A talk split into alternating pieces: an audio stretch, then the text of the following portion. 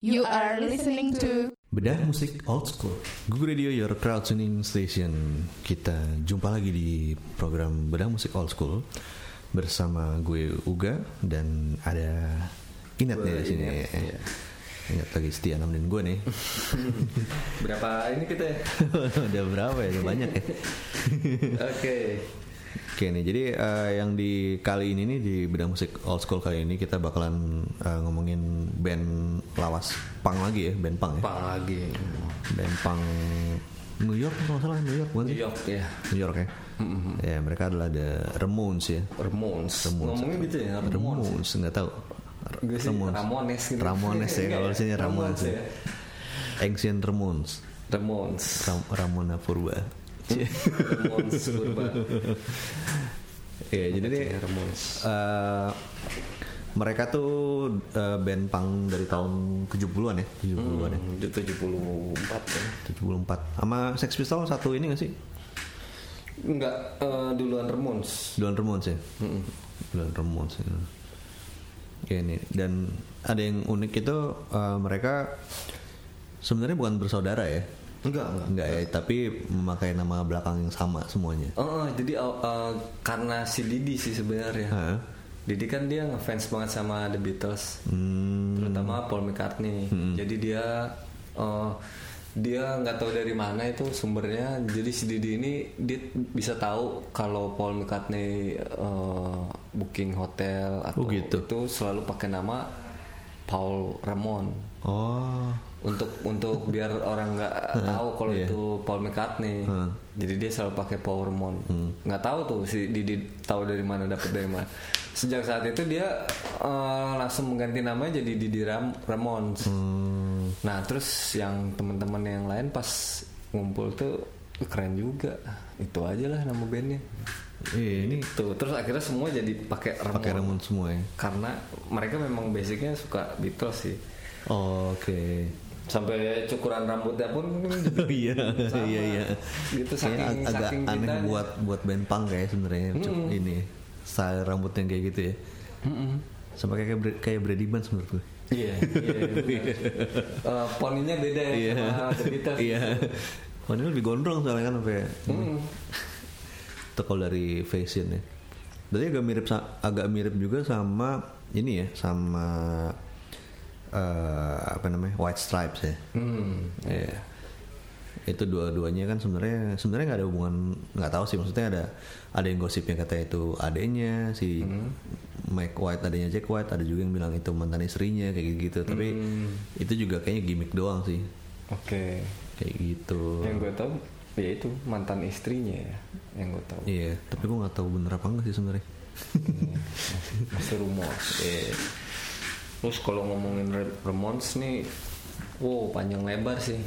S- karena satu albumnya banyak banget, terus memang terus di, dari mm, cerita di belakang musikalitasnya juga seru, rame, banyak banyak intrik, banyak cerita yang seru di belakang itu. Terus jadi eh, sama media juga di- dia di- mereka diklaim sebagai ya rock- musisi rock and roll yang berpengaruh di dunia juga. Pokoknya yang bagus-bagus ada juga yang di, di- dibilang tentang Ramones yang bagus-bagus the best ini itu ini itu. Tapi juga banyak eh, karena kisah di balik ngebandnya band ini dianggap sebagai band yang gagal sebenarnya. Jadi dia dia tuh eh, si Ramones ini gak eh, kalau Rolling Stone nih menulis band yang harusnya sukses dalam jangka panjang tapi dihancurkan oleh eh, sifatnya mereka sendiri gitu. Jadi jadi sebenarnya eh, Rolling Stone menulis dan menobatkan mereka sebagai band rock and roll terbaik juga, tapi menobatkan sebagai band rock and roll yang eh, karirnya hancur karena kepribadian oh personilnya. emang mereka kenapa tuh mereka Eh, kelakuannya Jadi sebenarnya dari cerita dari awalnya dulu ya. Sebenarnya ini kan mereka bergabung juga eh, isinya latar belakang keluarganya kacau semua nih. Yang kayak biasa eh, kalau Joey kan dari kecil dia selalu dibully kan di sekolahnya gitu karena Joy ini kan punya punya penyakit apa namanya OCD ah, Oh, OCD. misalnya. yang kalau dia tuh kalau misalnya eh, memegang benda atau ngapain Harus gitu? Precise gitu ya, harus berulang-ulang gitu kayak dia kalau di kamar tidurnya dia nya- matiin lampu nyalain lagi matiin nyalain gitu. Jadi kayak yang melakukan sesuatu tuh harus berulang-ulang sampai dia puas baru ditinggalkan gitu. Kayak mandi pun dia juga yang bisa berjam-jam gitu. Nah, itu dari latar belakang Joy. Kalau Joy sih lebih ke masalah dia kesehatan dan dia karena dia udah seperti itu di sekolahnya makin dibully. Terus tinggi badannya juga mempengaruhi lah. Tinggi gitu banget sih. Mm-mm. Jadi yang bahan bulian banget lah. Joy itu bener-bener yang anak sekolah yang abis dibully gitu. Oh, Oke. Sementara kalau personil yang lainnya enggak, kalau personil yang lainnya em, mendapatkan kekerasan di keluarga gitu. Hmm. Joni, Didi kayak gitu, mendapatkan kekerasan dari, dari keluarganya, entah yang kalau nggak salah siapa ya Joni, kalau salah yang bapaknya bermasalah juga, kayak gitulah. Jadi mereka bergabung di satu. Nah itu kalau di ceritanya gimana tuh awal bergabungnya tuh? Ada yang satu sekolah ada. Kayaknya ada ya yang satu sekolah ya. Pokoknya dia mm, awalnya siapa ya Tommy sama Didi ya kalau nggak salah. John, siapa nih? John sama Thomas siapa ya? Oh ya berarti John John sama Tommy berarti. Iya iya benar Eh, John sama Tommy. Nama aslinya John Cumming sama Thomas R. R. Daly ya. Dia mencari ini. Hmm, udah gitu ketemulah si itu. Didi ya. Douglas Douglas Colvin tuh Didi. Ketemu Didi sama Joy lah. Hmm, Didi nah di situ mereka adalah kumpulan anak-anak yang eh, secara psikisnya Hmm. agak diganggu gitu, terganggu lah gitu. Jadi mereka mau membuat sesuatu yang keras. Oh, Ta- oke. pada pa- tapi awalnya sebenarnya si Johnny ini nggak pede untuk main gitar dia karena di dia bilang si Johnny bilang ah gue nggak bisa main gitar. Terus suatu saat dia nonton konsernya siapa ya? New, New York Dolls apa siapa? Dia langsung oh ya gue juga pengen deh kayak dia. Akhirnya udah membentuk dibentuk lah itu band tuh. Awalnya si Joey itu kan disuruh main drum kan Hmm. bukan nyanyi. Ternyata eh, pukulannya nggak nggak jelas. Terus akhirnya diganti udah akhirnya di switch Joey, Joey yang nyanyi. Gitu. Ya kayaknya ini ya apa New York Dolls tuh mempengaruhi Ramones banget ya. Mm-mm. Sampai si siapa si vokalisnya juga di copy sama mereka ya gayanya. Padahal si vokalisnya New York Dolls si David Johnson bukan sih? Dia itu ngopi Mick Jagger. Iya, iya. Iya. Ya memang kayaknya musisi di tahunan itu saling mengkopi sih gak kayak yang dulu kita omongin tentang apa ya Poster bukan. segala sesuatunya gitu kayak dari mulai artwork Oh. atau gaya berpakaian, potongan rambut. Mungkin eh, anak-anak Ramones ini kan ngeliat wah Beatles potongan rambutnya kayak gitu keren, diikutin sama dia kan. Terus konsep uniform juga kan dia pakai eh, jaket Iya. dan celana jeans belel yang sama gitu, sepatunya pakai sepatu casual sama gitu.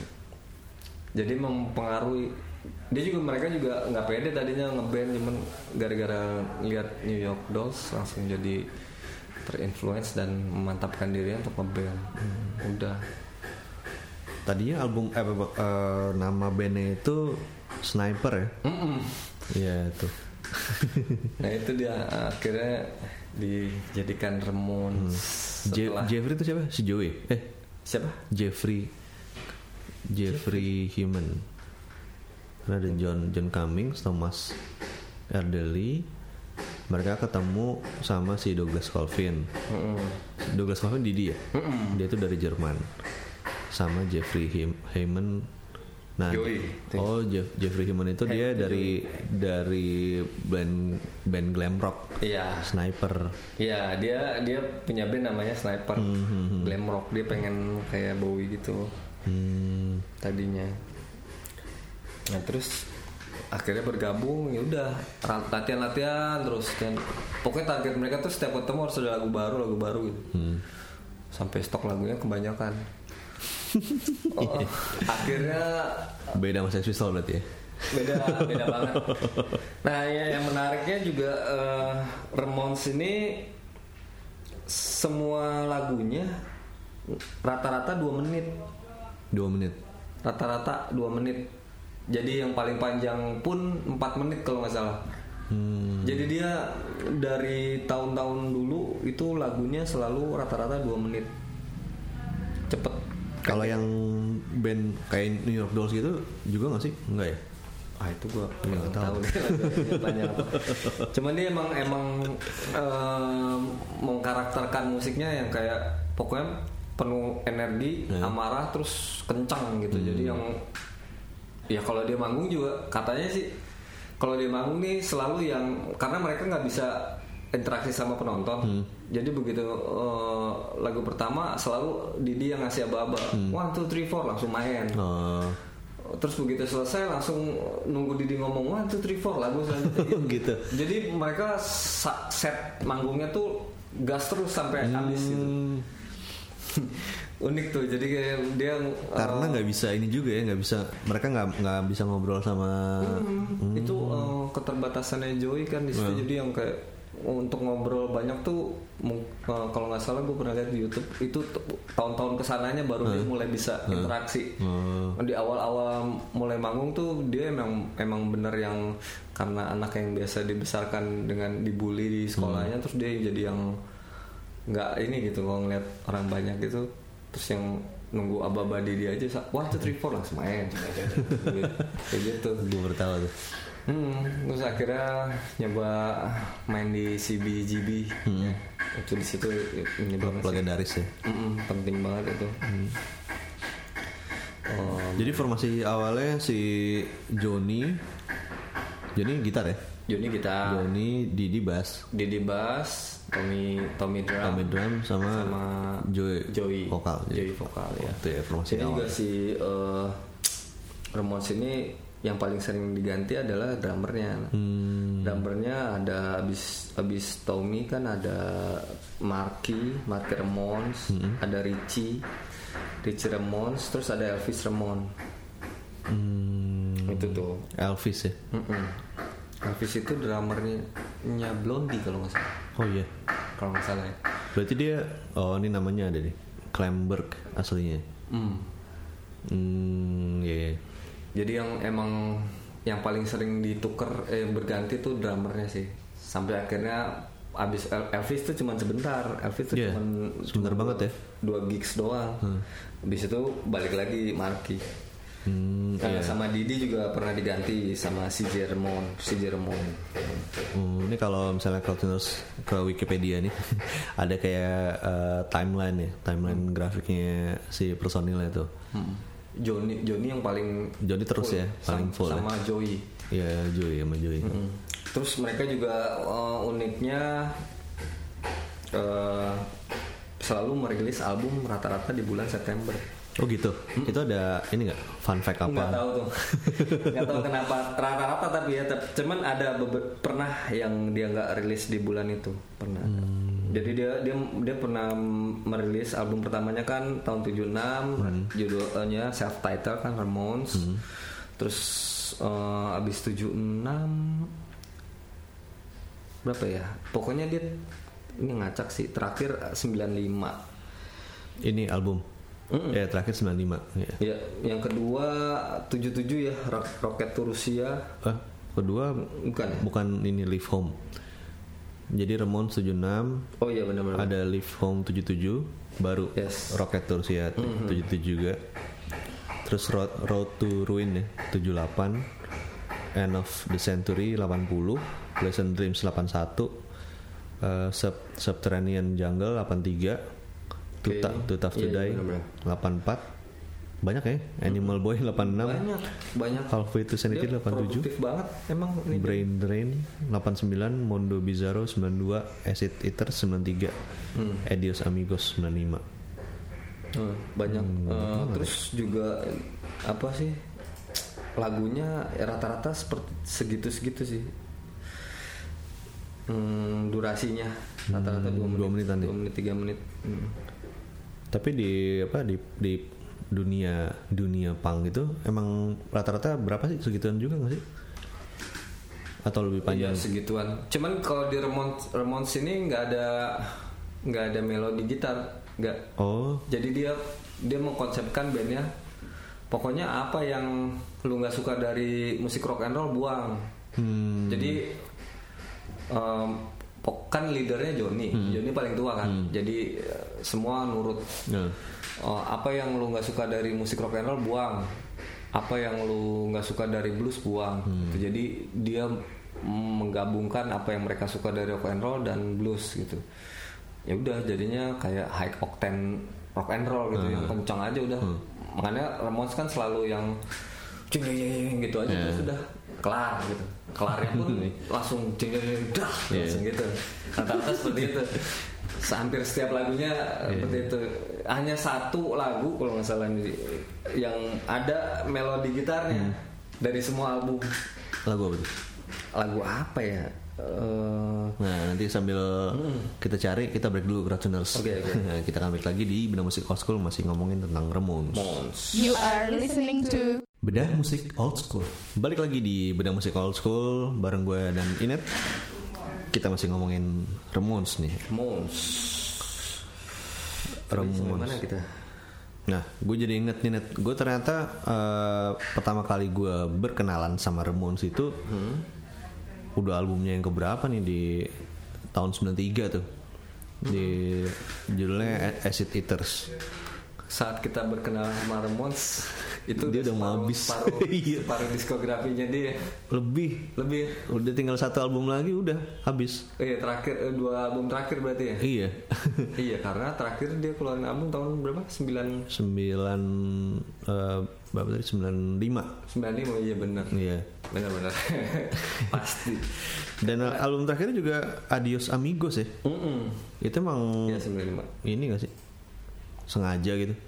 iya eh, kan apa ya pokoknya ntar ya gue cerita Oke. masalah ini ini pelik sih nah yang yang Acid Eaters ini eh ternyata mereka tuh ngecover lagu-lagu orang di sini. Jadi al- album khusus cover song gitu. yes Eh, dan Ramones emang hobi banget ya cover Iya. Gue gue ngera- malah ngerasa ini tadinya maksudnya kalau yang pang-pang gitu kayak mereka males gitu kayak nggak cover lagu orang gitu. mungkin eh, di era itu kayak gini gak kayak ini ada beberapa lagu yang populer di setel di radio atau ini. Cuman mereka juga suka sebenarnya nih anak pang nih suka lagu itu. Cuman terlalu lemes gitu. Gue pengen bikin versi gue jadi itu tantangan iya, buat iya. Punk Iya bisa bisa bisa.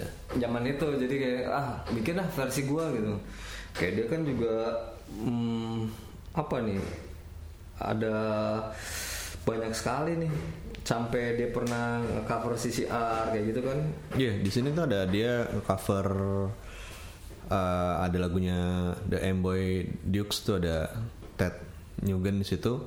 Ada The Who juga, The Who ada The Doors lagunya The Doors Rolling ada. Stones.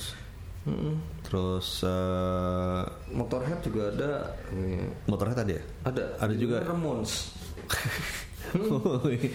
Jefferson Airplane juga ada. Mm-mm.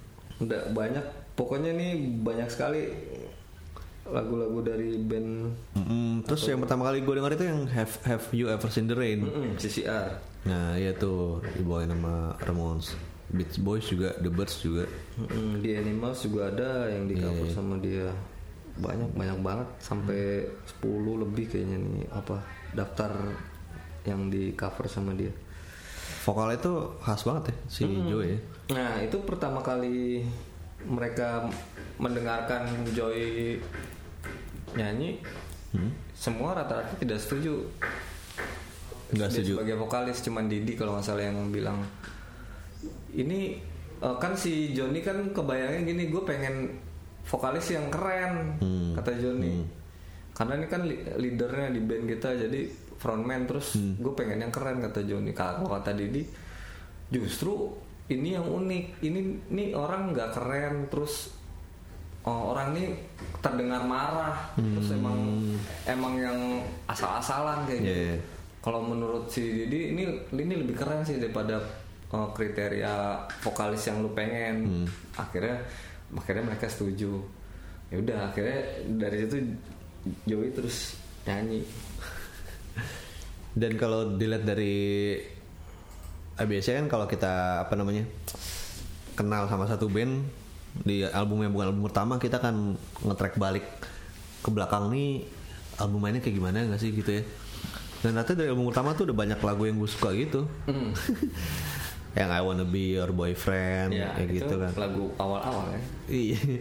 Blitzkrieg Bob tuh Hmm, itu yang lagu yang paling paling hebat yang Judy Judy Sepang Blitzkrieg Bob dulu uh, pernah dibawain ada tamu di Gugu Hmm? dia main itu apa namanya Eh 8 bit Hmm? nah dia Oh, Sandi Tio. Nah, iya. Oh, iya gue tahu. tahu. Iya. Anak dubes. Dia Iya, iya, cover itu tuh Dia pernah manggung juga bawain itu tuh.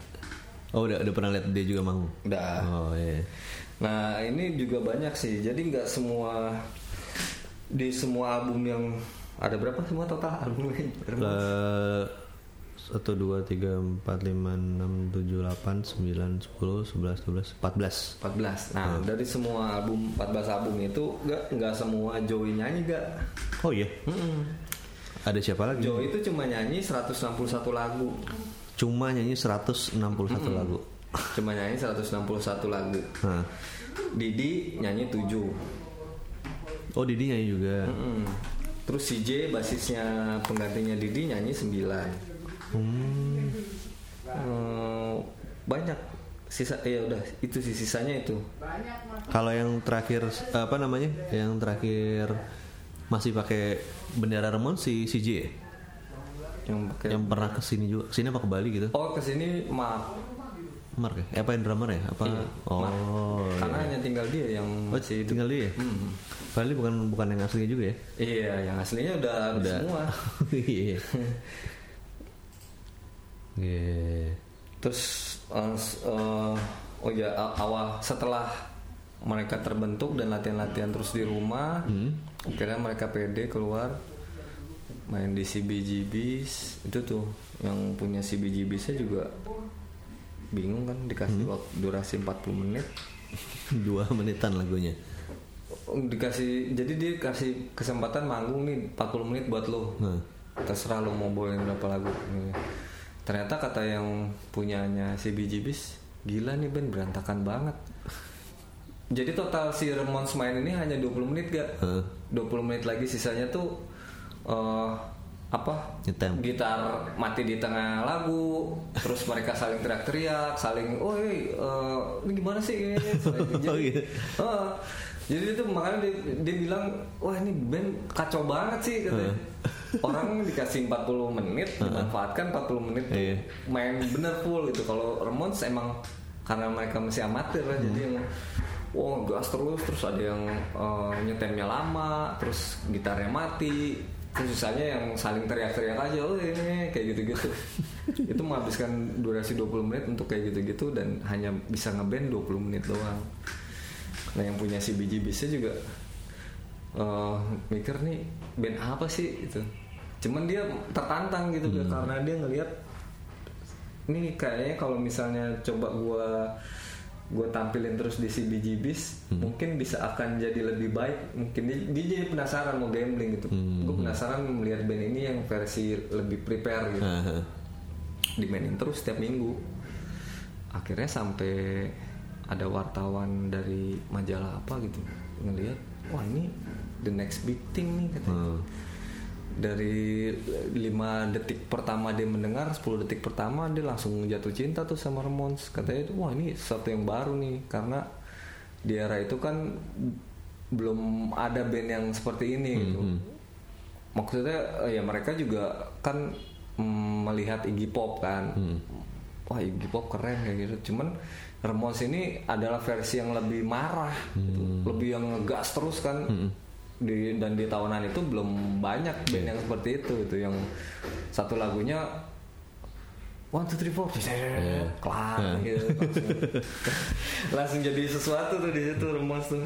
Ini ba- baik juga ya si si BGB-nya dia bukannya pertama udah kayak gitu. Wah udah deh nggak main lagi deh tapi malah diterusin sama dia ya malah. Hmm, karena dia mas mungkin kayak gini kayak, kayak misal kayak kita dulu di poster kayak gitu. Kayak susah ya nyari band band yang mau main-main pertama kali gitu ya. Ah ini aja nih gue ada band nih remuas sih mainin aja gitu. Oh, iya. Buat buat band-band sebelum bintang tamu kan. Jadi dimainin di di awal-awal gitu. Ternyata ke sini sini orang langsung malah menunggu-nunggu Remons Hmm. karena dia beda gitu. Nggak banyak basa-basi, tampilannya bagus kan seperti geng motor kan. Uh, dilihat. iya, iya. Ini udah gitu, kulit. Oh, gitu marah gitu. Hmm. Lagu-lagunya juga provokatif semua, kekerasan gitu gitu. Terus dia juga banyak dibantu sama artis-artis di rekamannya ada si Debbie Harry. Oh juga- Berry deket ya si Blondie ya. Iya, dia juga nyanyi di lagu apa Golil Camara Go. Hmm. Ada terus Pete Towns dari The Who juga dia Hmm. ngisi backing vokal di lagu Substitute. Iya. Padahal dia dulu ya. Sebastian Bach Sebastian Bach Skitro. Hmm, dia juga Oh, berarti dia uh, backing vokal Tahun-tahun berapa tuh ya? di Out of Time di album Edge It Eater. Oh, baik ya di situ berarti ya. Mm-mm. Jadi di Nah, album itu tuh semua banyak yang koleganya dia diajak untuk ikut. Tracy Lord juga Tracy Lord. Mm. Somebody to Love Tracy Lord. Tahu kan? Tracy Lord tuh pemain ini film porno. Mm-mm. Iya, dia juga ikut iya, kan. Yang di Manchester Pictures dia ada di ikutan juga nyanyi di Little Baby Nothing tuh. Mm. Gitu. Nah tadi lo ngomongin Sebastian Bach, Skitro gue jadi inget Skitro juga pernah ngerilis eh, satu mini album yang isinya cover version semua. Mm. Dia nge-cover Kiss, eh Ramones ada nggak ya kalau nggak salah? Jadi ada Masih ada ya. Secara mungkin dia- ya. Ada Kiss, ada Jimi Hendrix. Siapa lagi tuh ya? Eh, apa judulnya ya? Lupa lagi. Yang gue inget ada Jimi Hendrix, ada ada ada Kiss, ada Judas Priest. Judul albumnya Besides Ourselves. Hmm. Nah, eh, ada ada eh, Ramones ada psikoterapi. Itu psikoterapi, psikoterapi gitu. Di sini cuma ada lima sih. Eh, Covernya. uh, Ramones, Kiss, Judas Priest, Rush sama Jimi Hendrix. Hmm. Gitu tuh. Hmm, ini. Ya ini dari dari ini juga gue jadi jadi ngelihat lagi ke belakang. Ramones kayak gimana sih, Kiss kayak gimana sih dari si album ini nih, Skitro ini bisa Ourselves lumayan ini nih. Nah balik lagi ke Ramones deh. Jadi lagu yang dihasilkan Ramones selama dia menciptakan album adalah 177 lagu gak? itu yang kalau lo setel setel semua lagunya tuh eh, 7 jam. 7 jam ya. hmm, Oh tapi kalau nyetel seharian sih bisa dikali dua dua kali. 7, 7 jam iya kalau lo nyetel sehari itu kayak gitu. Dan rata-rata setiap albumnya eh, setiap albumnya 14 13 lagu. Hmm, itu. Dan satu lagu yang dua menit. yang yang paling panjang 4 menit 35 detik itu yang paling pendek itu eh, judi sepang cuma satu menit gitu nih Nih dia enak sih kalau di Spotify bisa dapat banyak karena kalau lagunya pendek ntar diulang-ulang terus. hmm, bener itu Mereka udah visioner nih. mm-mm. terus apa lagi ya tentang Itu dong net apa namanya? logo Ya menarik tuh logo tuh. Mm-mm. Siapa yang bikin logo ya? Lupa gue namanya. Nah, dia filosofi logo yang kenapa Ramones pakai itu tuh Yang bikin ini logonya namanya Arturo Vega. Hmm, Arturo Vega. Ya, itu ada filosofinya di situ tuh. Oh, apa ya pokoknya berbahaya lah. Ini kan eh, lambang kepresidenan nih. Ah iya, iya. Ada filosofinya di situ. Eh, elang yang memegang anak panah. Us. Kemudian dibikin nah dan penjualan penjualan merchandise-nya dia agak yang baju ini, Iya, yang gambar ini Hah? itu lebih banyak daripada penjualan albumnya yang banyak itu. Iya iya. Sepertinya gitu ya karena eh mungkin orang yang nggak tahu bandnya pun suka sama ininya visualnya ini. Jadi mereka, mereka akan beli gitu. Banyak kan yang kita lihat juga maksudnya ya maksudnya bukan merendahkan tapi kayaknya kayak ini orang nggak suka Ramones deh cuma iya kalau Iya, iya. misalnya kalaupun ditanya juga nggak gue nggak tahu gue cuma suka aja ininya gitu Ya, karena artwork itu kan ini ya, nggak lu nggak perlu tahu eh, bandnya siapa kalau lu, lu lihat pandangan Bagus, pertama ya. ini oke sih bagus, lo kan pakai gitu. ya Makanya, ah iya ini bahasan yang lewat juga. eh, jadi selama Ramones membuat album, Hmm? menurut Rolling Stone nih, dia adalah musisi yang tidak mendapatkan kekayaan dari albumnya. Duh. oh terus mereka dapat Jadi sebenarnya albumnya itu Hah? semua eh, entah kenapa jadi si personilnya ini tidak hidup dalam kemewahan setelah album yang banyak itu Hmm. rilis. Nggak tahu kenapa. Pokoknya mungkin manajemennya nggak nggak nggak bener. Oh. Karena mereka juga ada ada ada perebutan Didi itu Didi itu cemburu sama Joni sama Joey kalau nggak salah masalah royalti kayak gitu-gitu jadi kayak yang jadi ini di band ini karena Joni yang paling tua jadi Joni yang mengatur semuanya. Dan nah Joni itu orangnya kayak militer. Jadi dia yang eh, mengatur semuanya gak? Kayak misalnya lu latihan telat lu bayar denda. Kayak Oh, gitu. gitu. sampai yang jadi dia tuh lebih ke lebih ke apa sih? Lebih administratif orang dia. Lebih lebih jadi kayak lebih Manajemen, nah. lebih kayak yang pokoknya lu eh, tampar kayak gitu. Oh, gitu? Heeh. sampai si Didi itu nih mm, takut banget sama Oh. Joni kalau misalnya melakukan kesalahan. Jadi kayak misalnya manggung nih Hmm. Eh, si Didi salah chord Hmm? itu di backstage nanti dipukulin mu- mukanya sama Joni sampai segitunya. Jadi di band itu tuh kenapa eh, band itu ah, pada akhirnya hancur karena sifatnya sendiri karena Joni itu. Oh oke. Jadi eh, di belakang musikalitasnya Joni tuh sampai yang mereka kan nggak punya turbas ya, dia- mereka punya cuman fan doang kecil kan. Nah setiap tour nih itu Joni yang berhak mengatur Joey lu duduk di mana kayak gitu. jadi kayak ini ya apa Sampai ya? segitunya. Jadi, eh, semua ini karena lebih muda dan mereka nurut gitu. Karena Jo- Joni ini awalnya pengen gue pengen punya band yang disiplin, teratur kayak gitu-gitu. Hmm, kayak ini jadi kayak bokapnya Michael Jackson Iya, persis persis. Iya. Cuman kalau Michael Jackson kan anak kecil ya, Iya.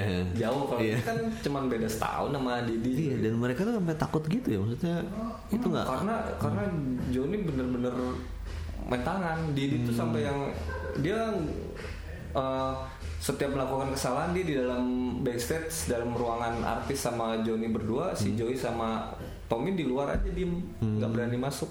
Di dalam tuh suara gelas kayak gitu-gitu. Pokoknya dimaki-maki lah, di, di salah chord doang. Iya. Kayak gitu. Pokoknya Joni tuh diktator lah di band itu. Sampai segala sesuatu yang apa ya kayak yang oh gini aja eh, pandangan politiknya Joni sama Joey ber- sangat berlawanan. Pada saat itu Ronald Reagan presiden Ronald, Ronald Reagan mendatangi ke jarak ke makam bekas eh, petinggi Nazi. Datang situ. Dan Joey bikin lagu tentang itu. Hmm. sementara eh, eh, si Joni pro banget sama Ronald Reagan. Dia sampai nggak mau itu lagu dibantah kayak Oh, gitu gitulah kayak gitu gitu jadi kayak akhirnya semua nurut. Apa yang dimau Joni semua nurut gitu. Itu sampai ada ini gak sih? Maksudnya mereka ada film dokumenternya gak sih? Yang Rock and Roll High School itu. Oh itu orang Oh, itu sebenarnya bukan dokumenter sih lebih ke ada kerjasama sama uh, apa uh, sutradara film indie. Ya udah di, akhirnya dia bikin kayak uh, Sex Pistol yang The Great Rock and Roll Swindle itu juga kan film juga. Film. dia bikin. Karena mungkin pada saat itu zaman eranya yang ini gak kalau lu perhatiin di tahun 70 80 itu adalah kalau musisi sukses mereka kan bikin film biasanya. Oh, oke. Kayak kalau di Indonesia kan eh, PSP Iya. gitu, ada Uh, film kayak gitu-gitu kan. Terus Michael Jackson pun ada film kayak semi dokumenter film-film indie gitu. Uh, Sex Pistol dibikin. Nah di situ juga ceritanya oh cerita Joey waktu di sekolah dibully dibully terus dia balas dendam di di film itu kan ceritanya. Oh gitu. Nah oke terus kita break dulu ntar ya. Bentar Oke. lagi tapi kita akan masih ngebahas di Beda Musik Old School tentang Ramones. Jadi jangan ke mana-mana. You are listening to Bedah Musik Old School Masih di Bedah Musik Old School bersama gue Uga dan Inet Dan masih ngomongin tentang Ramones, ya Ya, eh, Apa namanya Ramones itu mempengaruhi banyak musisi nih Apalagi yang di ini ya Di California ya Mm-mm. Kayak- Yang di waktu di main di Inggris pun uh, Sex Pistol dan The Clash termasuk Hmm. mengidolakan mereka. Oh iya Jadi pada saat setelah manggung Space Sex Pistol kan waktu itu uh, band pembukanya The Clash. Hmm. Setelah manggung terus mereka rame-rame datang nonton Ramones. Gitu. Sex Pistols sama The Clash itu sebenarnya mereka ini gak sih? Apa? Selek gitu gak sih? Enggak. Enggak ya? Oh enggak ya? Kan mereka ini terus deket. Baru oh. Manajernya pun malah uh, gitarisnya The Clash tuh Hmm. uh, si Jones itu Hmm. sempat mau diganti sama Steve Jones.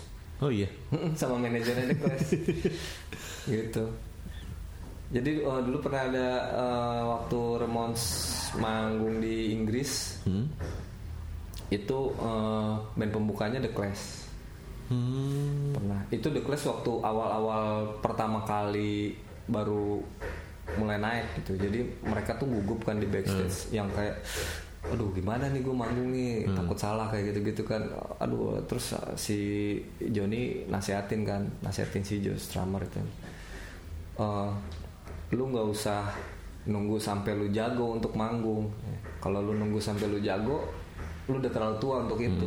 Sekarang aja udah sikat. Jadi pada saat The Clash sudah di announce mereka masih di backstage yang masih Oh, ngetar ya. gitu. Jadi itu yang nggak bakal dilepas sama Strummer tuh itu tuh. Petuanya Johnny yang bilang gitu lu nggak usah nunggu sampai lu jago baru lu naik panggung. Udah sekarang sikat aja. Lu akan akan terlalu tua kalau nunggu itu. Nah mereka juga dinasihatin ya dia bilang "I- lihat kita Ramones nih nggak ada yang bisa main musik tadinya. Iya. Ma- malah skillnya bagusan lu semua gitu. Si Johnny bilang gitu kan udah lu naik sana maju ya. Nah udah dari situ The Clash makin pede. Iya. bagus sih cerita manggung di Inggris tuh dia kaget juga tuh Ramones Iya, karena di ha. Inggris budayanya adalah saling meludahi Oh gitu. jadi penontonnya nih gak Hah? meludahi pemain bandnya Hah. itu tandanya Suka respect. gitu. Oh. Jadi Ramos tuh yang apa sih? yang apa sih nih? gitu. Dia makanya dia kurang suka dengan Inggris main di Inggris. Diludahin deh. Dan juga dia juga pernah membuka konsernya Black Sabbath. Ternyata Ramones hanya bertahan 5 menit, 5 menit awal tuh mereka dibu, terus dilemparin, diludahin kayak gitu-gitu. Walaupun mereka tahu diludahin itu adalah respect. gitu. Cuman mereka nggak tahan akhirnya cabut. Itu ya. Mentalnya nggak kuat. Black Sabbath. dia Black Flag, Black Flag juga pernah eh dipengaruhi juga oleh Ramones ya. Si Jello Biafra juga Dead Kennedys nih. Terus Ministry juga Mike Ness, Social Distortion sama Bad Religion juga sama Descendants tentunya. ya. Terus kalau dari ini dari musisi yang eh, genrenya beda nih kayak heavy metal ternyata eh, si Kirk Hammett katanya dia dipengaruhi oleh Ramones. Kirk Hammett ya. Lemmy juga Motorhead ya. Yes. Lemmy itu. Terus yang kan di sana ada acara Saturday Night Live tuh, Hah? yang kalau musisi lagi naik tuh pada saat itu wajib tuh main di situ. Terus si Ramones juga ini eh sempat dapat kesempatan untuk main di situ. Gara-gara waktu tahun 77 kan Sex Pistol tuh yang disuruh jadi bintang tamu di situ. Tapi dia nggak bisa masuk Amerika pada saat itu kan di band kan eh, paspornya Oh. sama gara-gara kasus God Save the Queen akhirnya dipilihlah Ramones tapi Ramones nggak mau akhirnya yang nyanyi eh, Elvis Costello Hmm, oke. Mm-mm. Ya, tadi ada lagi yang yang eh, nyambung yang dipengaruhi itu ada si ini juga nih, si siapa namanya?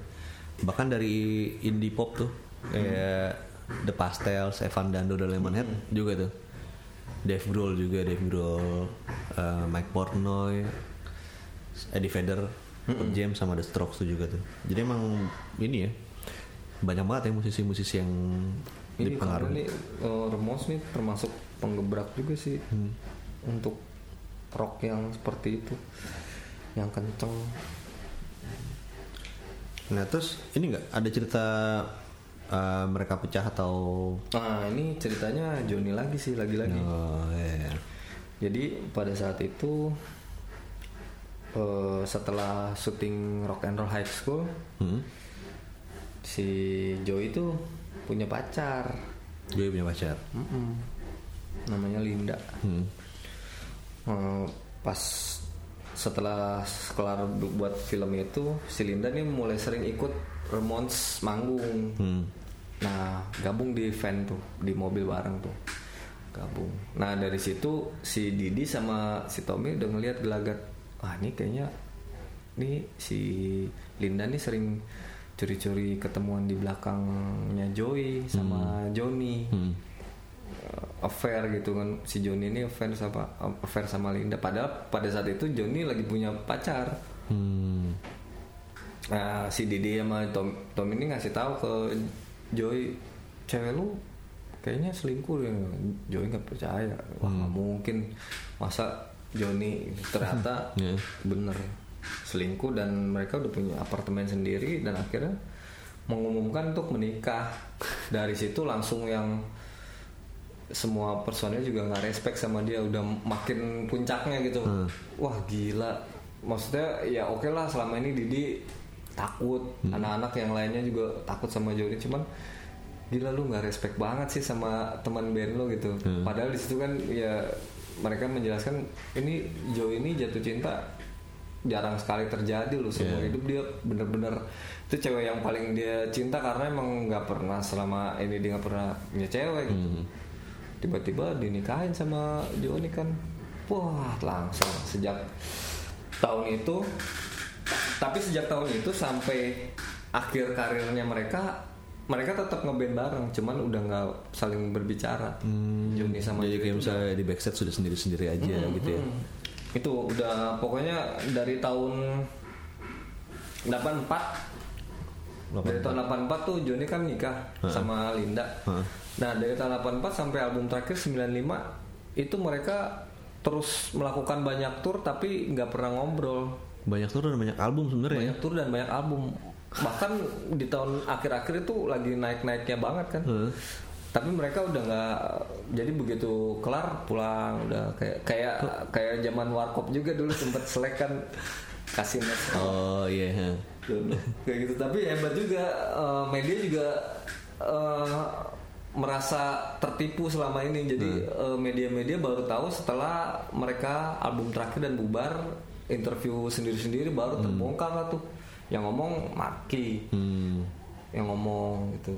Terus akhirnya di ditanya lagi klarifikasi sama media ke Joni sama Didi ternyata benar oh berarti selama ini lu tuh oh, pecah di dalam. Iya selama ini tuh kayak gitu. Cuman ya gitu. Itulah kenapa eh, Joey bikin lagu KKK Took My Baby Away Oh.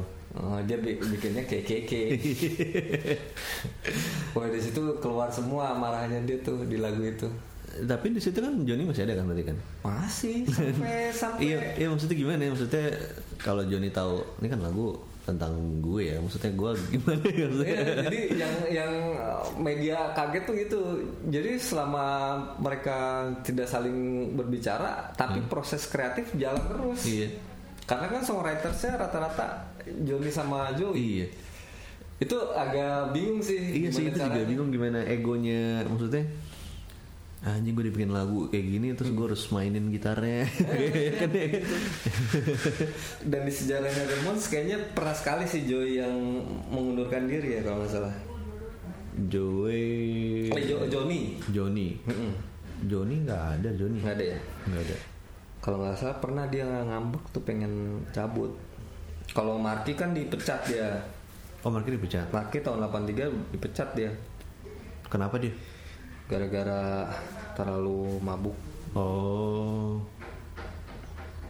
Padahal di bandnya juga semua pemabuk pada akhirnya.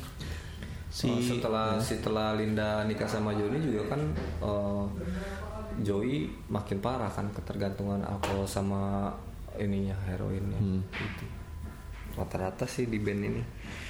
tapi itu nggak eh, si Didi itu dia cabut atau gimana Oh Didi akhirnya eh, cabut cabut ya.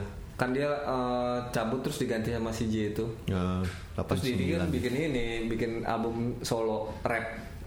rap Mm. Oh dia, iya? Dia dia tuh dia tuh tergila-gila sama rap. Jadi di akhir sebelum dia cabut tuh dia pernah ngomong di mobil, gue tuh orang kulit hitam dan gue tuh nge-rap. Oh, gitu. Kata Joni, dan lu Iya. masa ngaya lah. Kan kulit putih.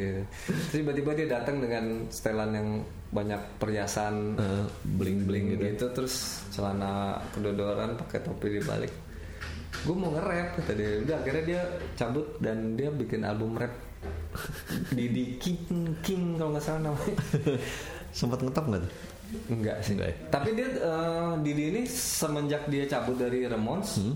dia masih bantuin ini gak bikin albumnya Ramones Bantuin masih dalam- bantuin aransemen kayak gitu Oh. masih, masih nulis lagu masih karena emang temen sebenarnya itu temen deket Hmm. aslinya. Hmm. Dia cabut itu gara-gara apa tuh? Gara-gara kayaknya juga dia oh, Udah capek sama si banget kali ya? sama Johnny hmm, Mm-mm, jadi ya gitu deh pokoknya ada suatu saat juga pernah dia harus konser di Argentina yang bayarannya besar banget tuh Heeh. Kesempatan ini langka. Kayak Johnny ini pengen nih kalau misalnya kita panggung sini udah nih kita pensiun gitu. Hmm, tiba-tiba Joey-nya bad mood gitu enggak gue malas nih nggak sehat nih lagi sakit gitu. Terus akhirnya Johnny makin marah kan. Hmm. udah dari situ udah mulai banyak perpecahan sih sebenarnya. Ya terus kalau si ini cabutnya? Si siapa? Tommy ya? Oh kalau Tommy yang pertama cabut dia justru gara-gara cabut ya? ya? lupa gua. Udah tahun masih tahun 70-an ya? Mm-mm. Tommy pertama tuh cabut tuh Terus ganti Marky sama ya? Marky Terus ganti lagi ganti lagi terus akhirnya Marky balik lagi yang sedih sih waktu mulai meninggal Joey itu Yang pertama meninggal siapa? Joey Joey ya? Pertama meninggal Joey. Karena sakit kan dia. Hah? kanker. Di umur 49 dia kanker di tahun 2001 meninggal. Oh, dulu. setahun kemudian Didi meninggal. Eh iya benar setahun kemudian Didi meninggal terus dua tahun kemudian setelah Didi Joni meninggal. 10 tahun setelah Joni meninggal Tommy meninggal Hmm. dan itu permusuhannya Joey sama Joni itu benar-benar sampai yang Joey meninggal pun Joni nggak datang. Oh, gitu ya? iya sama sama Market tuh udah di eh datang dong ini kan teman kita gini juga datang. Nggak mau. Si Joninya oh enggak gua, dia bukan teman gue pokoknya gitu-gitu deh. Sampai kapan pun gue nggak bakal ketemu sama dia lagi. Akhirnya udah. Dan Joey juga nggak mau sih ketemu sama Joni akhirnya nggak datang udah dari situ udah personil yang lain pun udah masing-masing pokoknya itu masa-masa 2000-an itu udah mereka udah bener-bener terpisah Ini ya. Si Joey sendiri dia akhirnya ini gak sih? Married sama siapa gitu nggak ya? nggak ada tahu. beritanya sih Nggak ada beritanya. tapi dia nah ini dia 2002 ya apa 2003 ya dia masuk Hall of Fame kan 2002 kalau nggak salah masuk Hall of Fame Si Johnny. Eh, Ramones Oh, Ramones. Ramones. masuk Hall of Fame dan itu kan di Hall of Fame ada eh, setiap setiap band nih ada punya piala masing-masing kan setiap personil yang Joey di diemin aja di mejanya gitu Maksudnya nggak ada orang yang mewakili dia dan Nah. pemain band yang lainnya kayak Didi itu nggak mewakili representer Oh. si in Heeh. ini dari Iya, Joey itu heeh. enggak bener-bener yang udah saking sebelnya nih mereka bisa sendiri-sendiri gitu jadi di panggung aja eh, Johnny speech ngomong Hmm. apa apa bla bla bla gitu terus pas giliran Didi juga yang kayak dia terima kasih untuk diri saya sendiri oh, atas kesuksesan saya sendiri jadi dia benar-benar udah yang Udah bodo amat ya. udah nggak mau ini tuh Joni gara-gara Joni jadi di situ emang udah benar-benar dan mereka nggak mau manggung di Hmm. acara itu padahal si Bruce Springsteen kan udah mau gabung juga di Iya. nggak nggak mau main Yang main siapa jadi tuh? Ada band siapa? nggak tahu pokoknya di acara itu dia nggak main Nanti bisa kita cari di YouTube tuh. bisa bisa kacau tuh Ada ada juga nih apa namanya eh, tribute album ya. Mm-mm. Tribute album buat Ramones judulnya Gaba Gaba Hey A Tribute to the Ramones. Padahal ada ada acara anak kecil tuh namanya Yo Gaba Gaba. Ini Gaba Gaba Hey nih. Ada 22 tracks di sini nih. Ini siapa aja artisnya eh, yang gue tahu cuma L7 doang. Jadi ada eh Bad Religion ada, ada Buck Buck Lamb featuring Kid Morris, terus ada DI, terus ada Pick Me Love Circus, eh, Rigor Mortis. Rigor Mortis tuh kok ini gue familiar namanya Rigor Mortis. Terus ada The Flash Eaters, ada Bad Town Boys, Chemical People, Groovy Ghoulies, Flower Leopards, Mojo Nixon, Jeff Dahl sama Poison Idea, Tommy Knockers, White Flag, ada Metal Mike, Lisa and Julia, The Motorcycle Boy, Diag News, Creamers, Blast, Bulmia Banquet sama Electric Ferrets. Tuh lo ada yang tahu nggak tuh nama-namanya? Enggak kan? Gue hanya dikit yang tahu Maklum Pang-pangan Iya, aman. Nggak tahu nih namanya. Hmm. Oh, Terus lagu-lagunya dia juga banyak yang nggak bisa diterima di radio di Amerika gak? Hmm. Karena apa tuh? Iya karena banyak apa ujaran kekerasan kayak gitu-gitu. Terus oh iya yang tadi gue bahas tuh yang dari semua lagunya Ramones hanya satu lagu yang ada gitar solonya Johnny Johnny Iya, Ramones tuh cuman di lagu I Wanna Be Sedated Oh, itu doang. yang lainnya nggak ada, semua gas gas terus. jadi ritme doang gitu ya? Mm-mm. Gitu aja udah kenceng aja udah terus. Terus apa lagi ya kita bahas apa lagi ya? Apa nih? Eh, Ya iya tadi juga ditolak terus apa main di Inggris dia nggak suka. hmm. Oh dia juga ini sih. Om, dia juga mengomen- mengomentari tentang Sex Pistol Johnny kan sebelumnya. Hmm. Om, jadi menurut dia dia khawatir sama Sex Pistol. Kenapa? Se- Setelah dia main di Inggris terus dia mengenal Sex Pistol terus dia bilang ini band keren. Cuman dia gue khawatir deh sama band lu nih karena Sex Pistol ini banyak melakukan sesuatu yang mereka khawat si Johnny khawatirkan ini akan mengganggu kepopularitasan bandnya ini. Kayak yang sering eh, mengumpat di TV nasional kayak gitu kan. Terus abis itu eh, kasusnya Sid Vicious sama Nancy kayak gitu terus dia bilang wah ini kacau nih Eh, hati-hati dengan ini ternyata bener juga ternyata bandnya dia juga kacau juga Iya. Tapi bandnya dia kacau karena ini ya, karena apa namanya? Nah, ya itu. Oh iya kalau si Tommy nih, gue dapat nih ada nemu. Tommy ini dipecat gara-gara adu argumen karena pada saat itu Tommy kelelahan dengan jadwal tur yang padat. Terus dia mau istirahat. Tommy ini pengen ya liburan dong bandnya gitu. Nah Joni nggak mau. Joni tetap pengen terus tur yang banyak. gitu. Terus dia yelling kan dia marah-marah ke si ke si Tommy dia bilang ya gue bintangnya di band ini bukan lu katanya terus lu mau ngapain lagi gitu ya. Nah, jadi pokoknya John ini udah merasa ini band, Rockstar banget band ya. iya band gua lah kayak gitu. Ya akhirnya Tommy udah terakhir main eh, tahun 78 di CBGB itu Hmm. main terakhirnya Tommy sama Ramones. Tapi pas dia mau cabut, Hmm. Johnny nahan. Eh, lu balik lagi deh, tapi Tommy-nya udah gak mau. Udah sejak itu ini terus eh, banyak ya? berantem beranteman Hmm.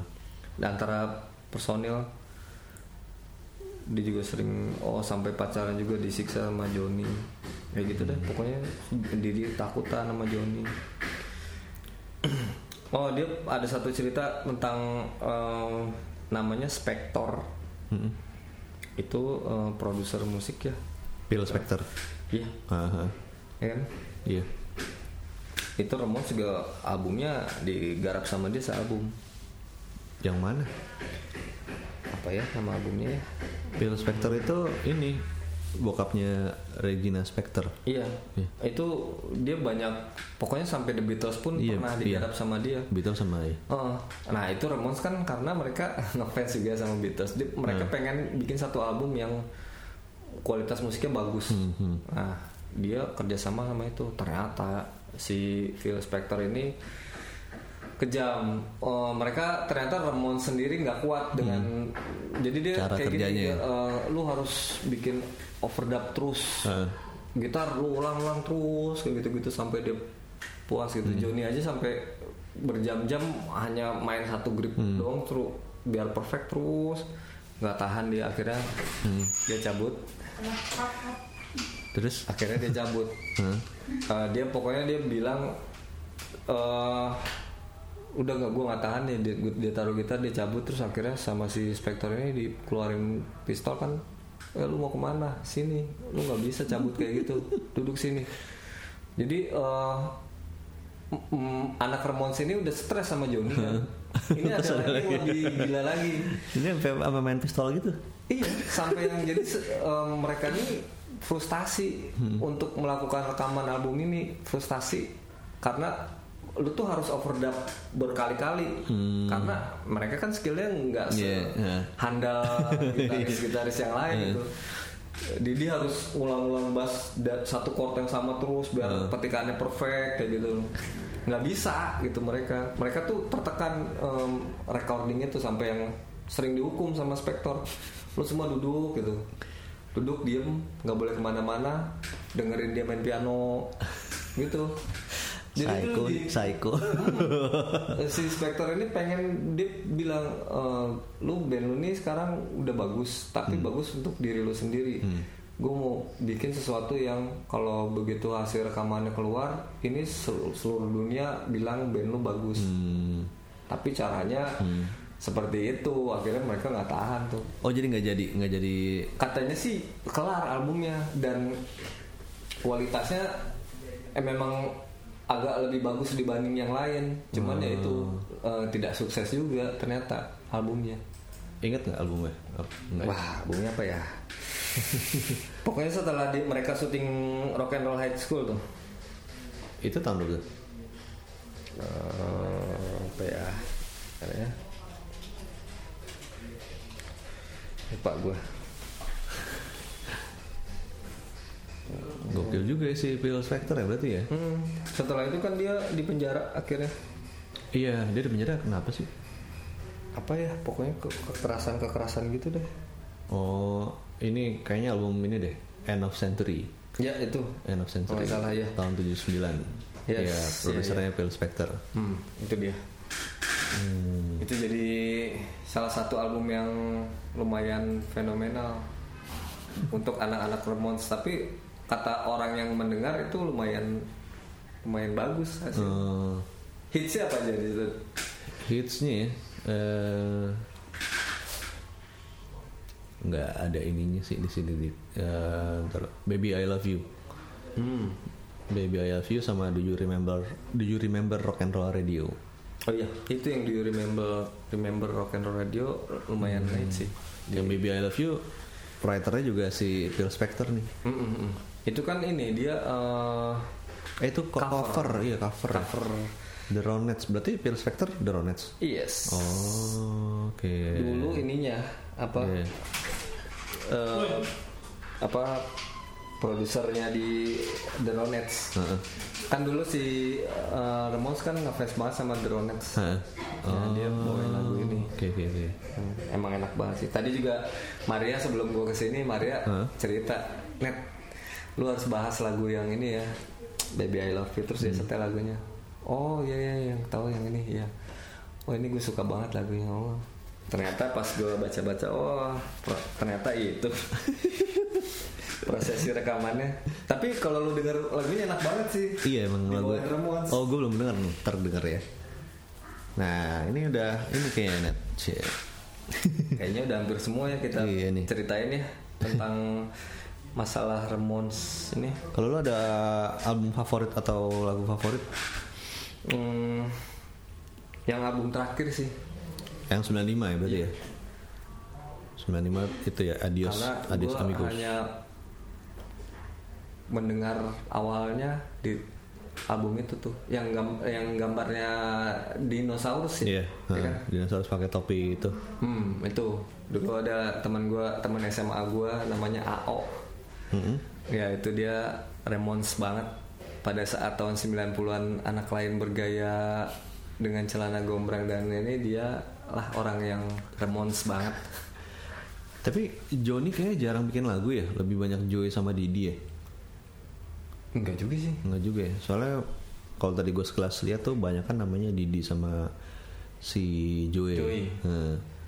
Mungkin juga. itu yang di tahun berapa? Kalau misalnya awal-awal sih gue rasa Awal banyak ya. Mm-mm. Kalau yang tadi di album terakhir tuh ada lagunya Tom Waits juga yang eh, bikin I Don't Want to Grow Up Mm-mm. sama I Love You Johnny Thunders tuh. Johnny Thunders. Nah. Kalau gue suka malah yang yang itu, yang album cover itu tuh. Mm-mm. Kalau album gue suka yang itu karena enak tuh lagu-lagu eh, cover yang dibawain versinya Ramones. Mm-mm. Ini, ya udah kita tutup dengan ini aja ya, seperti biasa ya. Oke. Tutup dengan 5 track teratas di Spotify nih. Ramones ini. Penasaran nih gini. Hmm. Nomor 5 tuh ada Pet Cemetery. Oke. Wah itu tuh lumayan. Oke. Don't Suka gue. Terus nomor 4 ada Baby I Love You. Hmm. Baby I Love You tadi ya berarti yang ciptaan Johnny Thunder ya. Oh dia masuk. Masuk. Terus nomor 3 ada Sina is a Punk Rocker. Oke. Hmm. Nomor 2 I Wanna Be Sedated. Mm-mm. Nomor 1 Blitzkrieg Ball. Tuh. Itu udah pasti harus nomor satu ya. nggak tahu sih soalnya banyak juga yang enak kan kayak I wanna be your boyfr- boyfriend juga kayak gitu nah Iya. iya. kayak udah ini ya udah cukup panjang kita Oh panjang nih. ini mungkin lumayan sesi terlama juga nih ngebahas nih di bidang musik old school nih Oke. Karena menarik banget soalnya Rebus. Iya, iya. Ini sebenarnya kalau mau dibahas lagi banyak lebih banyak lagi sih ceritanya di baliknya. Hmm. Bukan musikalitasnya lebih banyak cerita di baliknya gitu. Hmm. Ya mungkin eh, yang orang kenal tentang Ramones adalah eh, pertama dari merchandise-nya ya. Yes. Merchandise meskipun orang nggak tahu musiknya. Yang kedua dari eh Jaket kulit. iya style fashionnya ya. Iya. sama rambutnya tuh Karena gitu. setelah setelah Ramones pakai itu eh, ke sananya jadi rocker tuh pakai jaket itu. Hmm, termasuk Soleh Solihun. Iya, salah satu Iya. kan dulu bandnya eh, Ramones banget tuh dulu. Oh iya. Apa nama bandnya ya? Ah lupa gue. Waktu di Unpad, zaman di Unpad dulu. Oh iya dia ada empat. La- Lalier, Laleles, Pargel nama bandnya. Itu apa tuh arti?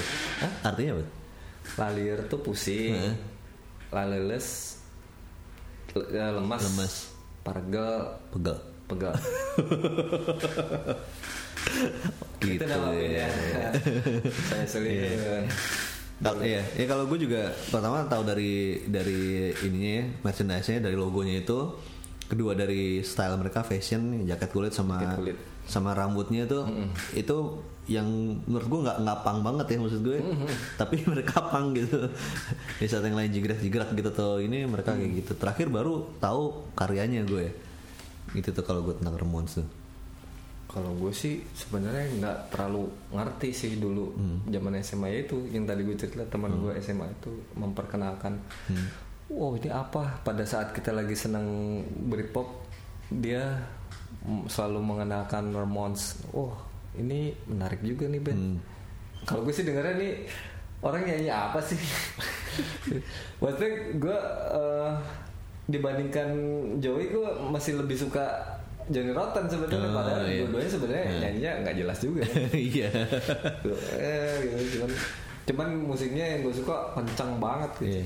Itu sih pas lah untuk anak SMA pada saat itu. Johnny Rotten lebih ini kali ya lebih apa ya namanya lebih wild nyanyinya. Kalau Joey itu kayaknya apa kedengerannya santai gitu.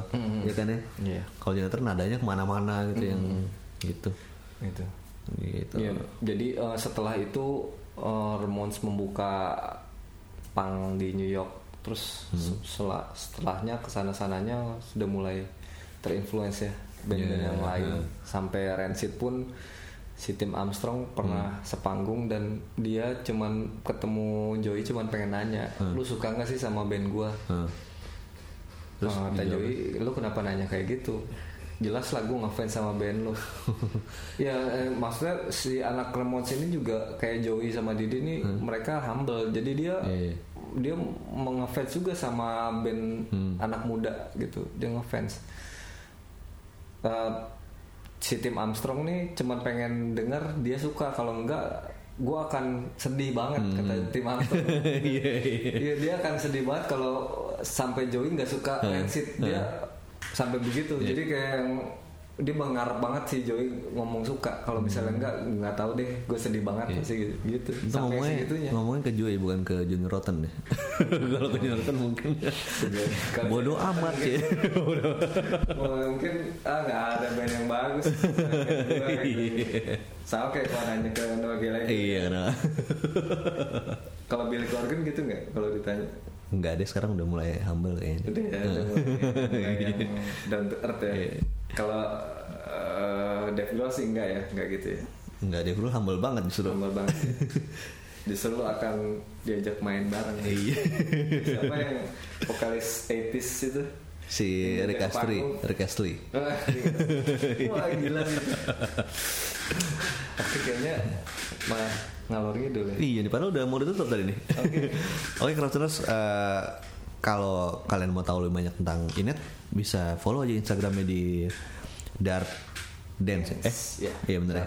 D A R T H D N S.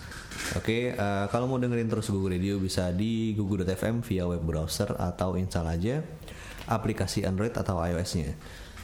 Ya, sampai sini dulu Benang Musik Old School. Sampai ketemu lagi di Benang Musik Old School berikutnya. Dah. Google Radio, your crowd tuning station.